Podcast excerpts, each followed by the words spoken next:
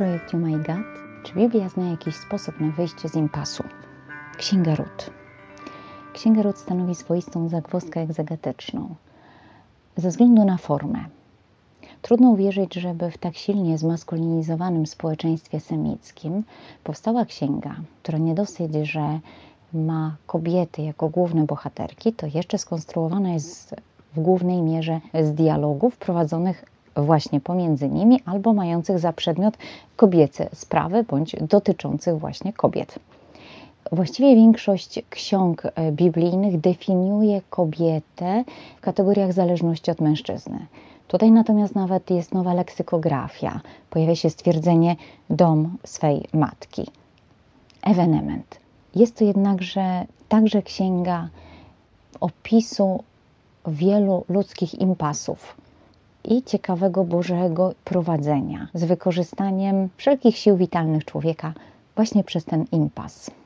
Pierwszy z nich dotyczy emigracji w sytuacji głodu. Elimelek i jego żona Noemi wraz z dwoma synami Machlonem i Kilionem opuszczają Betlejem Judzkie udając się do ziemi Moabu. Ciekawa sytuacja opisana w przymiotnikach, dlatego że efratejskie Betlejem to Betlejem, które jest owocne. Zostaje opuszczony na rzecz generalnie ziemi Moabu, w której nie ma żadnych rezultatów, nie ma żadnych owoców. Obaj synowie, mimo że żenią się z Moabitkami, choć to też nie jest dobrze postrzegane w społeczności Izraelitów normalnie, jakkolwiek w tej księdze nie widać żadnej negacji, to umierają bezpotomnie. Również tam zostaje pogrzebany na ziemi Moabu mąż Noemi. Zostaje więc starsza i dwie młodsze wdowy, kobiety pozbawione absolutnie męskiej opieki, właściwie skazane na brak środków do życia w społeczeństwie zdominowanym przez mężczyzn. I jakkolwiek byśmy oczekiwali poddania się tej sytuacji, to Noemi wstaje, żeby wyruszyć z ziemi Moabu. Żadna z bohaterek nie okazuje się w tym momencie słaba, bezradna czy przegrana. Wyruszają z nią również jej synowie. Powód Noemi usłyszała, że Pan nawiedził swój lud, dając mu chleb. Pakat, określenie spotkania z Jahwe, nawiedzenie Jahwe, interpretowane zależnie od tego, jak patrzymy na Jahwe. Swoisty eksodus trzech kobiet, może też z nadzieją na jakieś potomstwo, ale nagle logika myślenia Noemi każe jej zwrócić się do swych synowych z prośbą: odejdźcie. Wróćcie każda do domu swojej matki. E, lojalność mm, i solidarność kobiet. Tak, z jednej strony fajnie byłoby się wspierać, ale z drugiej strony sytuacja dla Was będzie wyjątkowo trudna. Niech Pan sprawi, abyście osiągnęły spokojne miejsce, każda w domu swego męża. Niemniej kobiety młode protestują, nie wróci, nie, my wrócimy z Tobą do Twego narodu. Noemi kontynuuje. E, argumentację i impas e, jej doświadczenia trudnego zaczyna się tutaj w pełni odsłaniać. Pierwszy argument. Kontrast z dotychczasową sytuacją. Wróćcie, moje córki, czemu idziecie za mną? Czyż mam jeszcze swoim łonie synów, którzy mogliby zostać waszymi mężami? Już nie ma tego, co mogłam wam ofiarować wcześniej. E, drugi element impasu czy jest szansa na nowy początek? Absurdalna. Nie urodzę synów, nawet jakbym ich urodziła tej nocy, i tak nie czekałybyście na nich, aż dorosną. I kumulacja doświadczenia impasu. Jestem jeszcze bardziej nieszczęśliwa od Was, gdyż podniosła się przeciw mnie dłoń Pana. Jak to jest? Czy jak człowiek zaczyna opowiadać o swoim doświadczeniu negatywnym, to nagle ono eskaluje? ręka Pana, która się podnosi, czy jakby działanie Boga doświadczane przeciwko człowiekowi. Jaka jest reakcja na impas? Jak zderzenie ze ścianą. Orpa ucałowała swoją teściową i odeszła. Ród pozostaje. I padają słowa, to twoja szwagierka. Jebimtek, a może bardziej Jebemet, wróciła do swego narodu i swego Boga. Dlaczego to słowo jest tutaj takie ważne? To jest określenie, które nie tyle kładzie akcent na powinowactwo w znaczeniu brat męża, szwagier, szwagierka, lecz e, akcentuje też konieczność lewiratu, czyli że jest to kobieta, która podlega prawu lewiratu względem swojego e, zmarłego męża. Zatem wychodziłoby na to, że jest jakieś wyjście z impasu. Jakkolwiek Noemi sugeruje, jest to możliwe, kiedy wrócisz, tak jak ona do swego narodu i do swego Boga. I teraz pada to niezwykłe stwierdzenie, które przebija y, częściowo przynajmniej impas głównej bohaterki. Ta deklaracja niezwykłej przyjaźni, niezwykłego poświęcenia. Y, nie nalegaj na mnie, abym opuściła Ciebie. Taka przysięga lojalności. Gdzie Ty pójdziesz, tam ja pójdę. Gdzie Ty zamieszkasz, tam ja zamieszkam. Twój naród będzie moim narodem, a Twój Bóg będzie moim Bogiem. Gdzie Ty umrzesz, tam ja umrę i tam będę pogrzebana. Niech mi Pan to uczyni i tam to dorzuci, jeśli coś innego niż śmierć oddzieli mnie od Ciebie. Niezwykła determinacja, nieodwołalność i jeszcze ufundowanie całej wypowiedzi na związku z Bogiem. Twój Bóg będzie moim Bogiem i niech On tutaj zadecyduje. Niech On się tutaj wypowie, jeżeli moja decyzja jest niewłaściwa. Zarazem więc Ród proponuje inną drogę wyjścia z impasu. Świadomość, że jest Bóg. Jakkolwiek Noemi do tej pory postrzega Boga jako agresora, tego, który podnosi rękę przeciwko niej. Akceptuje jednak decyzję Rut, przestała mówić do niej o tym, wraca. Kiedy wchodzą do Betlejem, znowu pojawiają się nam postaci kobiece i mieszkanki Betlejem mówią, więc to jest Noemi. I dochodzi do kolejnego impasu. Jakby pozytywna sugestia ze strony drugiego człowieka wpędzała główną bohaterkę z powrotem do czarnej dziury. Nie nazywajcie mnie Noemi, czyli słodka, ale nazywajcie mnie Mara, gorzka bo wszechmogący napełnił mnie goryczą. Odsłania się nam obraz Boga, który jest agresorem, Boga, który człowiekowi coś zabiera. Pełna wyszłam, pustą sprowadził mnie Pan. Bardzo trudne doświadczenie. Jakkolwiek Noemi nie uważa się za nieważną, to ma jednak bardzo głęboki żal do Boga. I jeszcze jedno zdanie, które tutaj pada.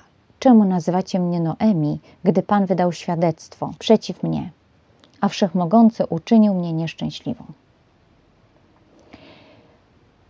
I choć sytuacja wygląda na beznadziejną, pojawia się jednak jakieś światło.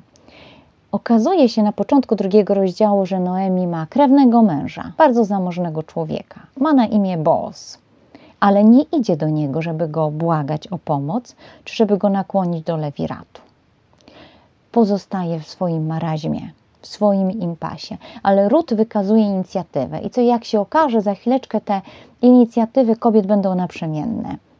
Idzie zbierać kłosy i jak stwierdza autor natchniony, przypadkiem tak się stało, przypadek drugie imię Pana Boga, że trafiła na pole Boza. Budzi powszechne zainteresowanie, może swoją urodą, też idzie za nią wieść gminna o pomocy, której udziela swojej teściowej. Budzi także podziw swoją pracowitością. Słudzy konstatują, przyszła, pozostała od rana aż dotąd, a jej odpoczynek w domu był krótki. I zachęta ze strony Boza, która się pojawia względem ród, słuchaj dobrze moja córko, nie chodź zbierać głosów na innym polu, nie odchodź e, stąd, ale przyłącz się do moich dziewcząt. Potem krótka dyskusja, która e, nastąpi z zapytaniem ze strony ród, co też łamie wszelkie konwenanse. Dlaczego darzysz mnie życzliwością? Tak iż mnie uznajesz, choć jestem obca. E, właściwie jest to zaskakujące, że kobieta i to obcej narodowości E, zadaje mężczyźnie pytanie, i to tak e, odważnie, bezpośrednio i na zewnątrz, e, poza przestrzenią domu. Boss odpowiada: Oznajmiono mi dokładnie to wszystko, co uczyniłaś. I padają takie ciekawe słowa. Niech Cię wynagrodzi Pan za to, coś uczyniła i niech będzie pełna Twoja nagroda u Pana Boga Izraela, pod którego skrzydła przyszłaś się chronić. Za chwileczkę dowiemy się, jak sobie Rut radzi z impasem. Kiedy wraca do domu, w dialogu z teściową troszeczkę modyfikuje słowa Booza i mówi: Powiedział mi, przyłącz się do moich młodych sług, dopóki nie skończą całego mego żniwa. Co więcej, wcześniej słyszy od Booza: Podejdź tu, jedz chleb, maczając swój kawałek w kwaśnej polewce, i Booz sam podaje jej prażonych żaren też właściwie niespotykana sytuacja takiego bezpośredniego zaangażowania, wchodzenia już w bezpośrednią relację. I to właśnie ta relacja pomaga Ruth wydostać się z impasu kobiety totalnie upokorzonej swoim wdowieństwem i także swoją biedą. Boaz nakazuje sługom, nie krzyczcie na nią. Bardzo ciekawe. Ruth zbiera kłosy, idzie do teściowej. Błogosławieństwo, które pada z ust teściowej, zaczyna mobilizować też i jedną, i drugą kobietę. Noemi radzi Rut tak, tam chodź, tam pozostań, a w trzecim rozdziale już wychodzi z inicjatywą. Jakby chciała związać Rut z Boozem. I teraz kiedy w trzecim rozdziale Noemi się ożywia i przedstawia Rut cały swój plan nocnego spotkania młodej kobiety z krewnym Elimeleka, tak Rut jest w pewien sposób bierna. Teraz ona przeżywa swoisty impas. Może jest to dla niej też krępujące, e, jak zresztą może podejść do propozycji Umyj się, namaść, nałóż na siebie swój płaszcz, zejdź na klepisko, ale nie daj się mu rozpoznać, dopóki nie skończy jeść i pić, a kiedy się położy, ty zauważysz miejsce jego odpoczynku, wyjdziesz, odkryjesz miejsce przy jego nogach, położysz się, a on sam skaże ci, co masz czynić. Trochę bierna postawa Rut w odpowiedzi. Wszystko, co mi powiedziałaś, wykonam. I sytuacja trochę dwuznaczna. Mamy wrażenie jakby takiego zaproszenia ze strony ród skierowanego do Boza, zaproszenia do wejścia w ogromną bliskość, taką bliskość seksualną. Ale wracają nam tu też w słowach ród wskazania Boza, czy jego myśl, którą wcześniej od niego usłyszała. Kiedy Boaz zaskoczony budzi się w środku nocy, widzi młodą kobietę właściwie w takiej pozycji małżeńskiej koło niego, i pyta, kto ty jesteś, Rut, używając jego słów, odpowiada: Ja jestem Rut, służebnica twoja, rozciągnij brzeg swego płaszcza nade mną, bowiem ty jesteś powinowatym. Jakby rozciągnij swoje skrzydła nade mną. Analogia. Radziłeś mi, żeby znaleźć się pod skrzydłami Boga, czy mógłbyś mi te skrzydła tutaj zastąpić? E, sposób na wyjście z impasu? Odszukiwanie ludzi, przez których też Pan Bóg zadziała. Błogosławiona bądź córko moja przez Pana, jeszcze lepiej niż za pierwszym razem okazałaś swoją miłość za drugim razem. Boz czuje się nobilitowany. Nie szukałaś młodych mężczyzn, biednych czy bogatych. Nie lękaj się. I teraz następuje swoisty impas Boza. Nie chciałbym, aby ktokolwiek mnie tutaj widział z tą kobietą w nocy. Nie byłoby to dobre. Nie powinien nikt o tym wiedzieć, że ta kobieta przyszła do mnie na klepisko. Obudził ją więc, gdy jeszcze było ciemno, powiedział: Podaj okrycie, które masz na sobie, trzymaj je mocno. Odmierzył sześć miar jeczmienia, podał jej, po czym poszła do miasta. I w relacji, którą składa Noemi, dodaje jeszcze słowa, wkładając je w usta Booza: Nie możesz wrócić z pustymi rękami do swojej teściowej. Może, żeby zrobić przyjemność? Będącej jeszcze w impasie jakoś Noemi. I sytuacja kolejnego impasu dla Boza, czy kolejnego znaku zapytania. Konfrontacja Boza z krewnym bliższym względem Noemi, który miał pierwszeństwo wykupu pola i wzięcia ród za żonę. I ciekawe lawirowanie, najpierw propozycja pole jest do wzięcia, Noemi je sprzedaje, super, ja wykupię.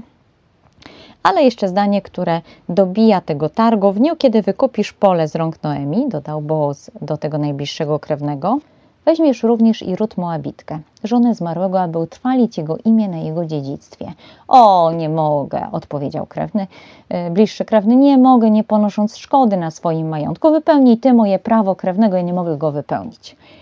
Przykazanie sandała, ten zwyczaj, że przyjmując własność, by przyjmujesz czyjś sandała swój, stawiasz na tym polu, na tej przestrzeni, która ma się stać Twoją własnością. Świadkami jesteście, że nabyłem z rąk Noemi to wszystko, co należało do Elimeleka i co należało do Kiliona i Machlona, mówi Boz na finiszu tej całej sprawy. Przyjmuje ród i padają słowa zaskakujące, jakby nobilitujące ród. Niech Pan uczyni kobietę, która wejdzie do Twego domu, podobną do Racheli i Lei, które to dwie niewiasty zbudowały dom Izraela. Takie słowa skierowane do Moabitki. Okazuje się, że Bóg wyprowadzi z impasu i postawi znacznie wyżej, nobilituje człowieka. A co z impasem, którego doświadcza Noemi? Bo zaślubił Rut, stała się jego żoną. Pan sprawił, że poczęła, urodziła syna i wtedy wszystkie kobiety mówiły do Noemi, nie do Boaza, nie do Rut, mówiły do Noemi, niech będzie błogosławiony Pan, który nie pozwolił, aby dzisiaj zabrakło Ci powinowatego sprawę wykupu. Jego imię będzie wspominane w Izraelu, On będzie dla Ciebie pociechą, będzie Cię utrzymywał w Twojej starości. I zaskakujące stwierdzenie, zrodziła go dla Ciebie Twoja synowa, dla Ciebie. Bóg znalazł wyjście z impasu, ale inne niż Noemi oczekiwała, jakkolwiek co do idei, bardzo podobne, niemniej dokonujące się w trochę inny sposób. I kiedy rodzi się Obed, zostaje położony na łonie Noemi dziecko odbiera Noemi i kładzie je na swoim łonie i ona też je wychowuje, a sąsiadki nadały mu imię. Mówiły, narodził się syn dla Noemi i nadały mu imię Obed. Rzeczywistości, które się nie zdarzają,